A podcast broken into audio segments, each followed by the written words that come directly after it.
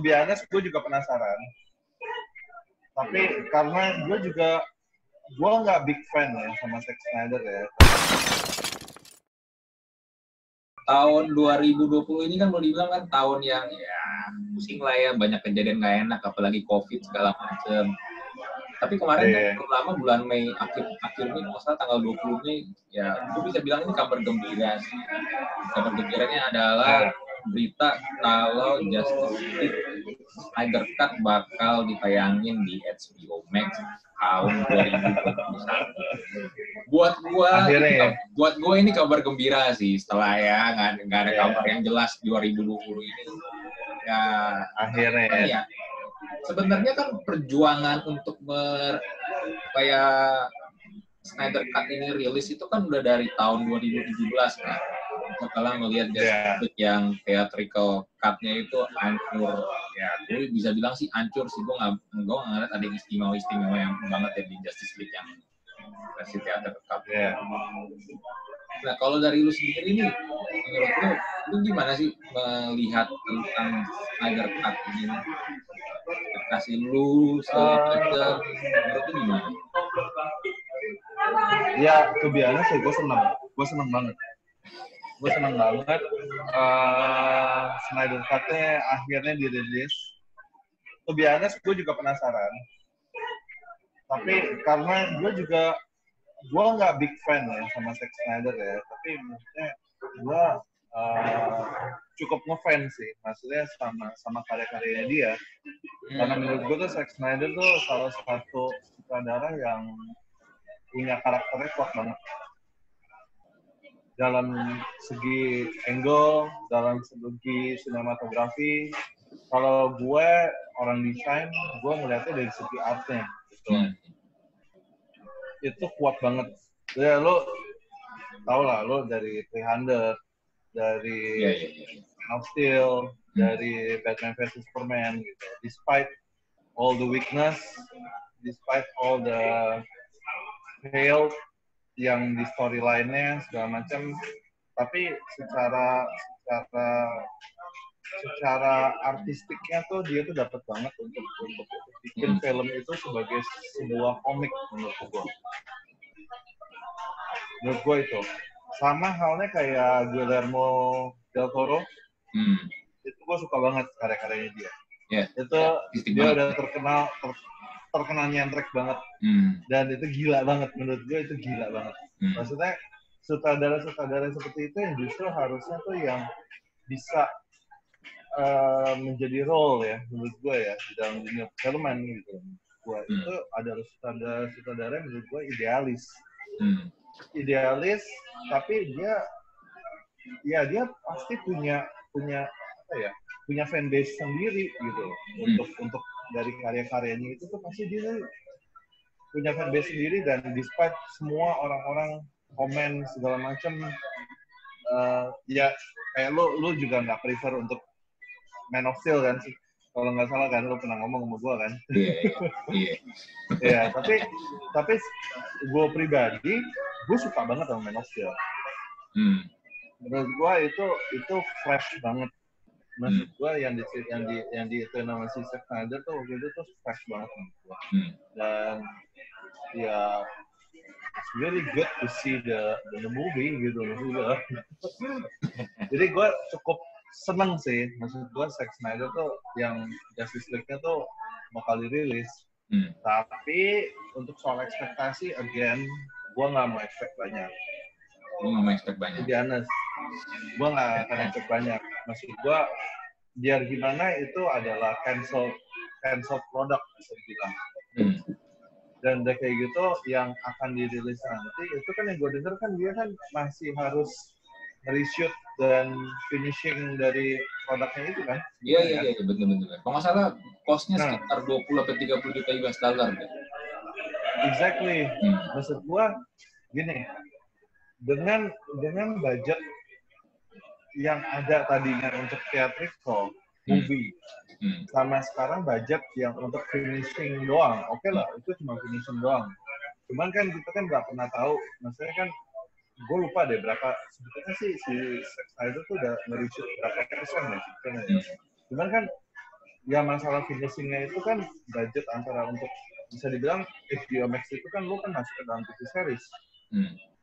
Ya kan?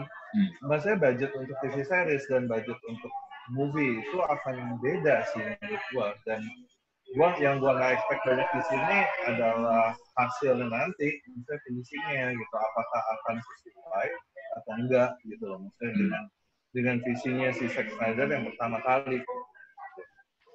Itu yang gua takutin sih. Maksudnya itu yang gua nggak expect banyak saya walaupun emang TV series sekarang udah gila-gila banget sebetulnya maksudnya dari segi dari segi finishingnya. Hmm. itu udah bagus banget. Ya let's say lah lu kayak nonton Mandalorian. Eh kayak nonton Game of Thrones. Itu kan efeknya kan udah gila banget. Hmm. untuk untuk sekelas TV series itu, itu, udah gila banget. Nah, tuh cuman ini kan agak yang gua nggak expect itu maksudnya ini dari movie loh. Dari sekelas movie yang big, big box office Hmm. lu langsung turun kelas ke TV series HBO Hmm. Max itu gua nggak tahu tuh hasil hasil finalnya kayak gimana sih itu Udah, yang udah, nggak expect itu memang udah final ya bakal jadi TV series. Kalau nggak salah 6, 6 episode ya kan karena waktu itu kan terakhir kali ada pilihannya antara memang mau dibikin film full kurang lebih 4 jam 4 jam atau Iya. dipecah jadi 6 episode TV series. ya Kalau gue pribadi sih, gue, gue lebih suka itu dijadikan satu film aja utuh gitu 4 jam. iya sih tapi mungkin itu masalah balik lagi ke airtime-nya ya Hmm. misalkan kalau di TV series kayak gitu ya Hmm. saya lu untuk, sekelas TV series 4 jam airtime-nya gimana mungkin nggak tahu itu itu maksudnya ini pandangan awam gue sih Hmm. Eh, ya hopefully sih bisa gitu nah cuman maksudnya kalau dibilang untuk six episode itu sebetulnya juga not bad sih Hmm. karena Harusnya bisa sih. karena Harusnya sih bisa sih bro, karena HBO Max itu kan kayak Netflix, itu kan on demand. ya itu kan itu sebetulnya ya on demand kan itu kan on demand maksudnya bukan bukan bukan wah eh, acara ini ada jat, ada jatah jam tayangnya berapa berapa menit berapa jam gitu. Itu kan on demand. Oh. Dari sana ya udah. Oh, iya, iya. di nonton ini ya udah deh itu kan on demand. Harusnya bisa sih. Cuman ya itu kembali lagi pilihannya apakah mereka mau pecah. Dijadiin dijadiin satu Hmm. Cuman kalau mau dipikir, kalau mau dipikir jadi 6 episode itu juga agak terlalu panjang. Untuk satu Justice League menurut gua. unless, unless, unless dia eh, dia ada ada expand ada, ada di expand lagi storyline-nya sama si Snyder. Nah mungkin itu mungkin itu bisa oke. Hmm. Gua nggak tahu deh. Cuman ya let's see. Cuman ya gue sih happy sih. Maksudnya secara itu sih gue happy sih. Maksudnya katanya kan yang terakhir itu yang Justice League Dark Apocalypse itu kan visionnya itu kan dapat dari idenya si Zack Snyder kan. Mhm. Kalau lu udah nonton, lu udah nonton belum? gue udah nonton gue udah nonton gue udah nonton Udah nonton kan? Itu katanya tuh ide ide storyline-nya itu dapat dari triloginya si ide ide triloginya si Zack Snyder Hmm. katanya. Jadi mirip-mirip seperti itu. Hmm. Katanya sih gitu. Jadi menurut gua dan itu pas udah nonton itu itu bagus sih. Walaupun emang ya nggak tahu deh. Mungkin untuk mungkin untuk yang fans-fans fanatik mungkin ya agak nggak terima lah. Mungkin ada ada ada di twist lah inilah segala macam. Cuma menurut gua ya gua sih suka. Gua pribadi sih gua suka.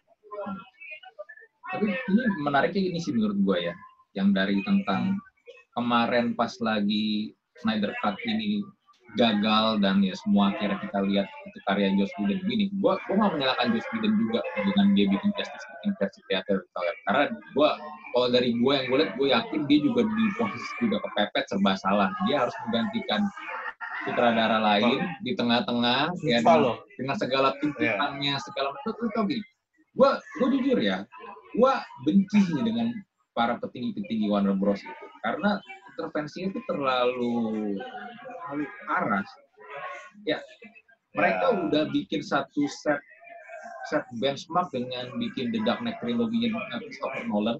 Ya itu itu successful lah. Maksudnya event yang di dari dari trilogi itu kan film The Dark Knight itu film kedua itu yang yang Joker itu kan itu benar-benar itu banget kenapa itu masterpiece banget hmm. even yeah. Christopher Nolan sendiri ketika mau lagi merilis film yang ketiganya pun nggak bisa menyamai level The Dark Knight ya dan Warner yeah, Bros. Yeah. Warner Bros tuh kayaknya tuh ketika mau, melihat suksesnya Marvel dengan Robert Avengers-nya atau dengan tiga universe mereka pengen bikin di DC juga kan. Tapi ya kita yeah, lihat Nasia satu pengen ngejar Marvel, yang kedua juga pengen at least selevel dengan apa yang udah Christopher Nolan kerjakan. Ya. Itu kan susah kan. Ya. Maksudnya ini, is, susah, film itu biar gimana pun itu itu it's, art kan. Lu lu nggak bisa. Ya. Uh, satu sisi lu udah sukses itu lu pengen nyamain lagi itu kan susah banget. Apalagi ini beda orang yang kerjain, beda orang, beda konsep, beda project. Nah, iya. Makanya itu gue bilang sih itu salah strategi juga sih. Maksudnya um, oke okay lah yang apa yang apa yang apa yang terjadi sama si Snyder pun juga di keluarganya juga ya kita kan itu itu benar-benar bencana lah ya. Hmm. kita udah nggak bisa nggak bisa nggak bisa ini. Tapi menurut gua salah strateginya itu adalah pendekatannya dipindah ke Whedon which is yang jalurnya nggak sama gitu loh maksudnya. Maksudnya karyanya si Joss Whedon dan karyanya si Zack Snyder itu nggak bisa dibandingkan apa-apa menurut gua. Karena itu udah beda beda. Dari segi artnya udah beda. Yeah. dan itu yang nggak bisa digabungin menurut gua sementara sementara gue bilang dari awal itu gue bilang gue pikirnya ya gue pikirnya gue pikirnya Warner Brothers itu akan stick sama si Zack Snyder untuk sebagai guideline dari art directionnya si ini art directionnya si Justice League hmm. art directionnya si DC hmm. menurut gua soalnya kan udah dilihat kan dari Man of Steel dari Batman vs Superman itu jalan tuh hmm art directionnya tuh sejalan Uh, dan when it comes to the Sweden itu benar-benar totally kacau jadinya. Totally kacau banget. Gue udah suka sebetulnya. Gue pikir tuh Warner Brothers akan stick sama art directionnya Snyder gitu sebagai kunci. Cuman ya well dia salah strategi sih. Gue rasa sih mungkin petingginya ya mungkin udah keburu panik dengan keberhasilan Marvel ya menurut gue ya. Jadi kalah strategi sih menurut gue. Soalnya kan dia kan dari awal pun juga dia nggak bisa ngejar. Tapi kalau yang mau dilihat, lu nggak kejar Marvel pun juga lu bisa bisa dapat sukses sendiri, ya nggak? Harusnya. Maksud gue harusnya harusnya kayak gitu gitu. Maksud gue dengan dan gue bilang DC itu tuh lebih nggak tahu deh. Maksudnya saat seiring sejalan gitu gue ngikutin perkembangannya dan gue ngikutin deep dari ceritanya masing-masing superhero gue DC itu tuh udah lebih untuk adult sih. Daripada daripada Marvel. Setuju gak lu? karena juga ya gitu kalau secara company juga Marvel kan juga sekarang udah udah Disney. Disney kan lebih ke family nah itu dia. Kita jarang banget sekarang mengangkat cerita-cerita tuh yang betul-betul adult lebih dewasa. Kecuali pas mungkin film-film Marvel yang kemarin masih ada ya film iya. dan juga Deadpool. Nah itu itu lain cerita lah. Tapi sekarang itu kan hmm. pendekatannya benar-benar untuk family banget kan? Betul. Maksud gua kalau emang mau kenapa di, kenapa Warner Brothers tuh ngejar ngejar di jalur yang sama nggak akan kekejar kalau mau dia ngejar itu ya lewat jalur yang lain.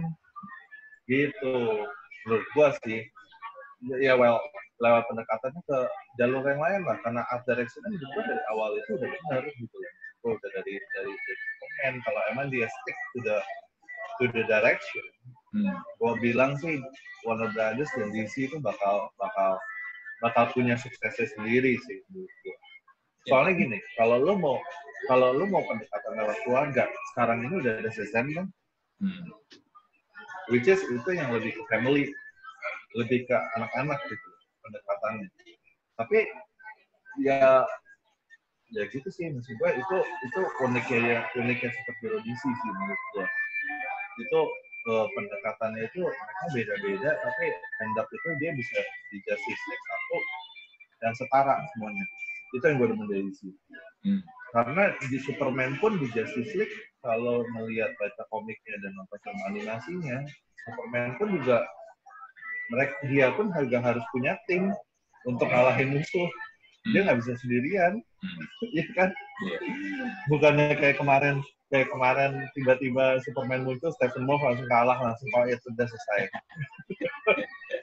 Gila itu gue bete banget cuy. Ya, itu itu sering banget sih memang biasa uh, yeah, itu, itu. ini ini uh, ini yang gue lihat sih bro ya. Ya gua gua, gua juga sebagai penikmat komik superhero gua yang gue lihat adalah Marvel dan DC beda pendekatan nih kita kan bisa pendekatan pendekatan masing-masing.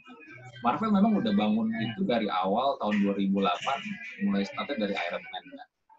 Sampai mereka yeah. project sampai kemarin terakhir game nah, setelah itu ya kita belum tahu lagi lah ke depannya kayak gimana kan. Nanti project ini bakal yeah. Ya menurut gue itu sukses besar. Menurut gue sukses besar walaupun buat gue nggak semua film-film Marvelnya itu juga bagus ya. Kalau lu perhatiin di awal-awal di PS1 itu Captain America, Thor, segala macam itu juga sebenarnya nggak bagus menurut gue nggak nggak bagus. Tapi setelah Avengers pertama itu baru kelihatan mulai itu pendekatannya juga lebih bagus, pemilihan saudara juga yang lebih lebih oke, okay, kayak semenjak Russo Brothers juga mulai join. Kita kan ada beberapa film yang Russo Brothers sutradarain tuh filmnya secara seru ya kan, tegang. Yeah. Yeah. Itu kan yang Marvel lakukan tuh 10 tahun. Yang 10 tahun mereka bangun. Mereka perkenalkan tokohnya itu satu-satu. Yeah. Dulu, dulu kalau kita tahu superhero, Marvel tuh orang tahu siapa sih Spider-Man, Wolverine, ini Captain America. Makanya Iron Man kan satu superhero kelas A. Walaupun banyak pegang peran penting ya di di, di, di, di dunia Marvel. Tapi kan mereka pintar deh, perkenalkan tadi satu satu. Siapa yang bilang buat Guardian of Galaxy? Iya kan? Oh, lu kan yeah, bener-bener yeah. komik banget kan? Mereka pernah kan Guardian yeah. of Galaxy, orang, orang jadi kenal oh ini Guardian of Galaxy gini segala macam, Doctor Strange Nah, itu kan sebenarnya kalau gue tuh mereka tuh punya punya bahan tuh banyak banget ya. Terutama dari Superman. Soalnya gue bilang sih, soalnya kalau Marvel itu menurut gue mereka udah terplanning dari awal. Jadi mereka udah ada, menurut gue ya, nggak tahu, itu menurut pandangan gue.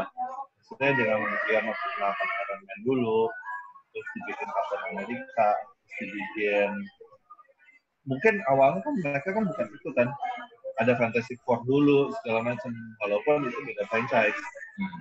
tapi maksud gua dengan dia mereka pertama kali kenalkan si Iron Man itu juga itu udah menjadi mereka udah punya rencana sih mereka udah planning berapa phase Iron Man itu dilempar sebagai percobaan buat Iron Man Captain America Thor well itu kan tokoh kunci hmm jadi itu yang udah dilempar duluan mungkin sebelum mereka planning untuk bikin Avengers. Hmm. Gitu. Cuman misalkan kalau si DC, DC kan kayaknya kan dari awal kan dia kan nggak ada visi ke sana. Iya, iya. Kalau kalau jadinya makanya itu semuanya dilepas sama dia. Hmm. Kalau pernah baca plannya itu tuh sebenarnya mereka tuh strategi adalah inverse. Inverse dalam arti gini, mereka langsung mulai dengan Man of Steel lalu Batman versus Superman lalu trilogi apa Justice League tapi yeah. di saat di perjalanan untuk sampai trilogi Justice League itu film-film kayak Wonder Woman, Aquaman ini sebenarnya akan uh, memang ya selain tidak ada dan akan, akan ada gitu kan. Jadi baru diperkenalkan yeah. nanti. Ya tapi yeah. kalau yang gue lihat sekarang ini adalah gini kondisinya. Mas semua penonton itu kan penggemar komik, gitu. pembaca komik kan. Hmm. Kalau gua malu kalau itu dijalankan misalnya proyek itu dijalankan dengan first game itu ya kita pengen-pengen aja kita udah kenal mereka ya. coba misalnya gini deh yeah. kita gampang istri gue deh gue gue ajak nonton awal-awal nih nonton Justice League bingung ini siapa? Cyborg. Oh Cyborg begini. Nah, apalagi kan yang tadinya film berapa berapa jam dipotong jadi dua jam itu kan cepet banget kan?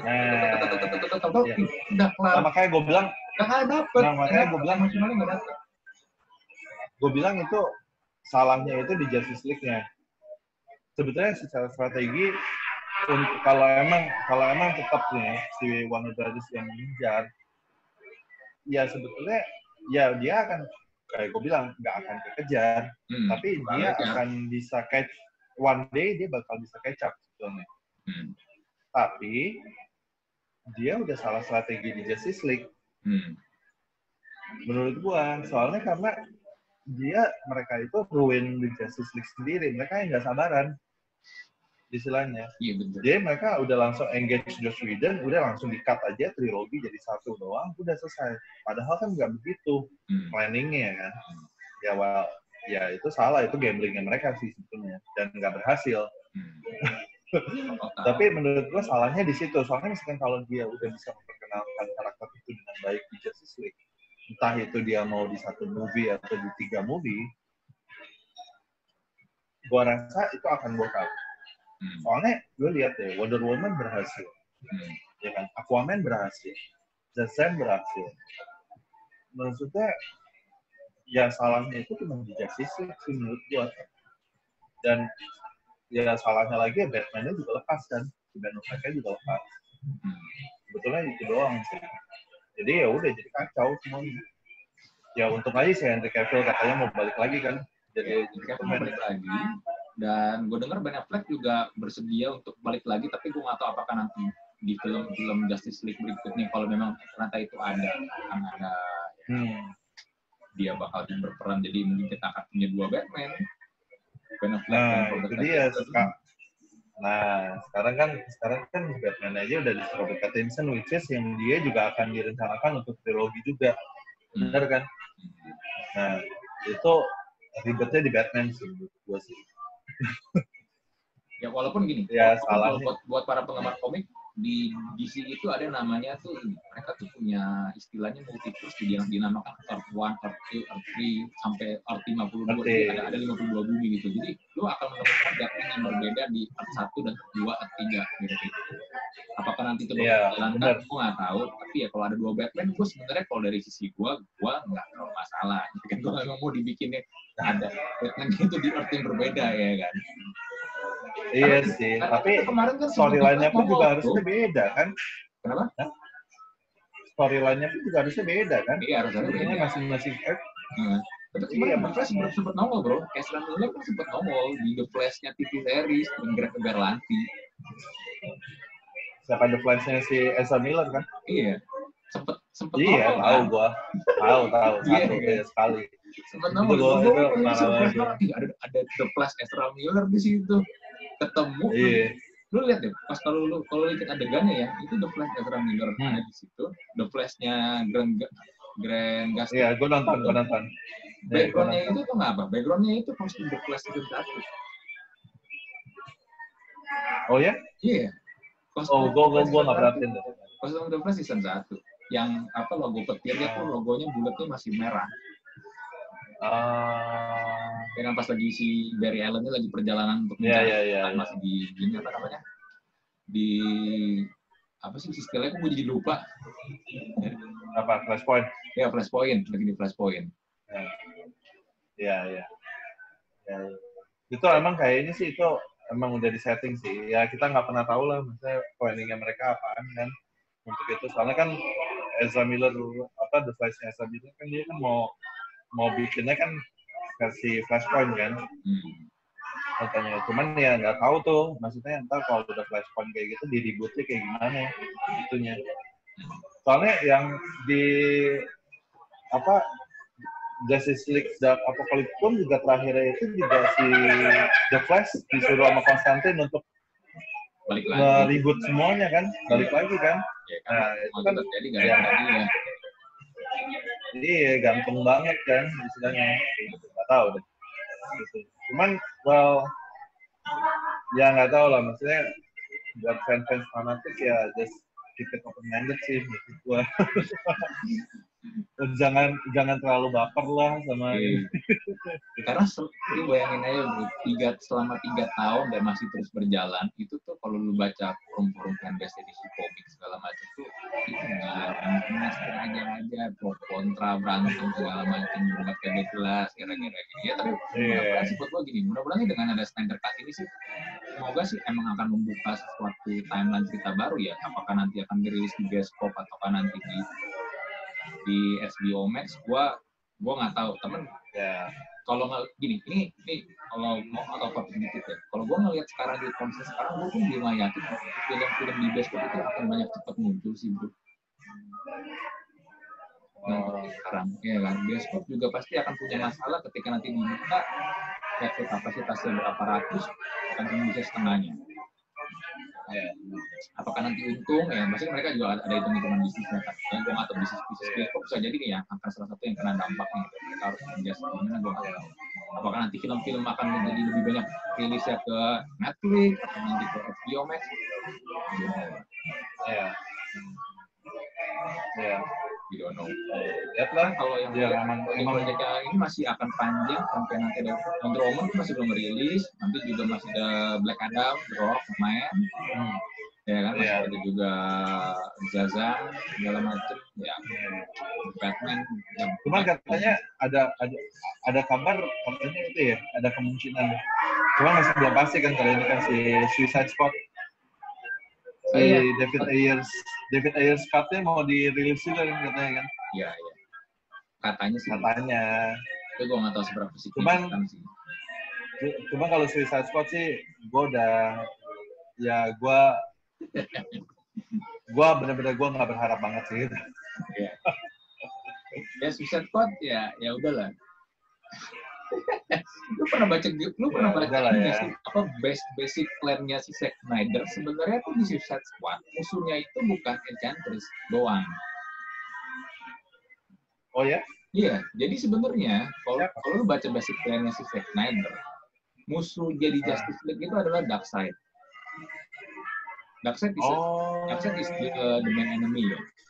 Nah, Hmm. Stephen Wolf harusnya itu adalah musuh di Suicide Squad karena Stephen Wolf dengan Mother Box itu yang mempengaruhi Enchantress harusnya, oh harusnya, Itu. iya nah harusnya. itu gue belum baca tuh harusnya. Jadi sebenarnya tuh musuh utamanya itu tetap harus Darkseid, harusnya Darkseid. oh Ya, karena karena Batman versus Superman hasilnya ya sebenarnya dibilang gue gue secara pribadi gue suka Batman Superman ya tapi yang versi extended ya bukan yang versi theatrical karena versi Oh, iya. Betul, biasanya terlalu lambat Iya. dan banyak kayak Iya. kayak gini kayak film tuh kayak kepotong-potong tuh tiba-tiba lompat lompat lompat Iya. itu udah gitu aja apalagi kalau Iya. yang lu nggak baca komik itu akan bingung banget Iya. nah hasilnya yang kan extended lebih jelas Iya. yang extended lebih jelas hasilnya kan nggak ya mengembirakan alurnya lebih nggak mengembirakan. Jadinya tuh sebenarnya gini, sebenarnya Hmm. kalau yang tadi lu bilang itu startnya dari Justice League sebenarnya nggak juga bro. Sebenarnya boleh dibilang startnya justru penyebabnya adalah karena Batman versus Superman ini yang terlalu sukses menurut di mata eksekutifnya Warner Bros. Jadinya Zack Snyder waktu itu mulai diajak supaya ada perubahan dong, tone yang lebih cerah segala macam, bla bla bla ya grand plan-nya dia itu mulai ada adjustment. Tapi ya ya karena ya mungkin karena juga faktor anaknya yang meninggal bunuh diri itu dia ya ya keluar segala macam ya udah ada pressure juga ya. tahu juga. cuman gue bilang kalau misalkan yang yang baca komik dan nonton animatednya Batman vs Superman tuh itu udah komik banget loh menurut gue memang gua gua sebenarnya waktu itu kan suka pernah- Batman versus Superman. Itu gua suka. Gua suka iya. Sini gua masih juga nonton itu deh? Lo nonton udah nonton itu belum? Eh, yang Dark Knight Returns. Udah yang Frank Miller yang versi Frank Miller. Itu kan versi mereka berantem Iya. itu Frank Frank Miller banget. Betul. Betul kostumnya banget. dari dari itu tuh ininya Frank Miller. Dari si Frank Miller. Nah dari Frank Miller banget. Makanya itu gue bilang sih itu oke banget sih menurut gue cuman emang ada beberapa part lah yang gue gue jadi berasa off banget kayak misalkan eh, apa sih yang Batman tiba-tiba berubah cuman denger nama nyokapnya itu itu yang menurut gue agak ih kok cepet banget sih maksud gue kan Batman kan ya Batman kan harusnya kan udah lebih lebih jutek banget dan lebih cool banget gitu loh dan nggak nggak berubah secepat itu gitu loh. Gua. ya gitu deh maksud gue cuman ya ada beberapa lah Bat, apa Batman-nya tapi overall sebetulnya Batman-nya si Ben Affleck sih gue suka. Hmm. apalagi apalagi yang pas dia di fighting di warehouse Ya, yang nyelamatin nyokapnya Superman itu sih epic banget menurut gue itu epic banget dan itu tuh itu nggak pernah ada sih menurut gue yang Bat- film Batman tuh yang kayak Batman-nya berantem kayak gitu tuh nggak pernah ada bener nggak? Iya. Setuju nggak? dari zaman Michael Keaton. Val Kilmer, even even ada. kalau kalau di Christian Bale sebenarnya secara koreografi sebenarnya to be honest Gue nggak suka kalau kalau kalau secara koreografi tuh Christian Bale tuh gue nggak suka. Maksudnya secara si kurang. Gue juga, gue juga kurang, itu juga kurang. Tapi Itu kurang bedanya banget. adalah Christopher Ah. Nolan itu pinter bikin alur ceritanya tuh bener-bener lu tuh wah lu nggak nggak lu nggak bakal nggak bakal bisa pengen apa ya? Mata lu sampai berkedip gitu. Lu bakal ngikutin. Terus karena tuh ini bener-bener banget banget itu bener-bener banget bagus banget. Iya benar-benar. Eh soalnya soalnya kalau Christopher Nolan tuh dia eh, menurut gue sih um, alur ceritanya itu balance antara Batman sebagai detektif dan Batman sebagai superhero. Hmm. itu balance menurut gua. Tapi untuk dari segi actionnya kalau dia lagi berantem hand to hand combat itu jelek banget. Kalau itu saya banyak yang bilang itu jelek kayak banget. gitu. banyak yang banyak yang bilang juga gitu Iya, itu jelek banget. Cuman kalau secara action keseluruhan bagus. Secara action keseluruhan, secara gadget, segala teknikalnya, apa taktisnya dia dalam dalam dalam jadi superhero itu itu. Apalagi Batman Begins, Batman Begins itu gue suka banget. iya iya Itu Batman Begins gue suka banget. Gue itu sejak segala sesuatu yang di Batman itu jadi make sense. Hmm. Oke, jadi menurut lu nih, apakah Snyder Snyder Cut Justice League ini bakal bagus atau enggak? Ah, nah itu yang gue gue gue belum bisa belum bisa bayangin sih. belum bisa bayangin maksud gue em, tapi yang pasti kalau mau dilihat dari hasil hasil karyanya si Zack Snyder sih secara visual pasti pasti akan memuaskan mata menurut gue Hmm. cuman untuk storyline we'll see soalnya kayak kayaknya kalau si Zack Snyder menurut gue tuh dia nggak terlalu kuat di storyline Dia memang lemah sih di menurut gue ya Di Bianas memang memang- dia agak lemah. Dia lemah di sini. Dia memang dia lemah. agak lemah di storyline Dia memang lemah. Eh, maksudnya Man of Steel aja juga sebetulnya banyak banget failnya maksudnya adegan-adegannya yang segala macam itu banyak banget cuman yang gue suka dari si film-film Zack Snyder itu tuh kayak Man of Steel misalkan Em, perpaduan antara sinematografi art sama adegannya itu tuh emosional. Hmm. itu lo bisa ngebawa emosi dan di situ dia menangnya. Untuk storyline secara jadi orang tuh kadang yang nggak ini yang mungkin yang baperan kayak gue gitu itu akan akan don't give a damn about the storyline gitu. Yang penting yang penting gue ngeliatnya enak kalau gue gue ngeliatnya enak dan ya everything still make sense ya udah menurut gue itu gue fine fine aja Hmm. Cuman emang kalau mau dilihat lagi storyline-nya emang Zack Snyder sih lemah sih.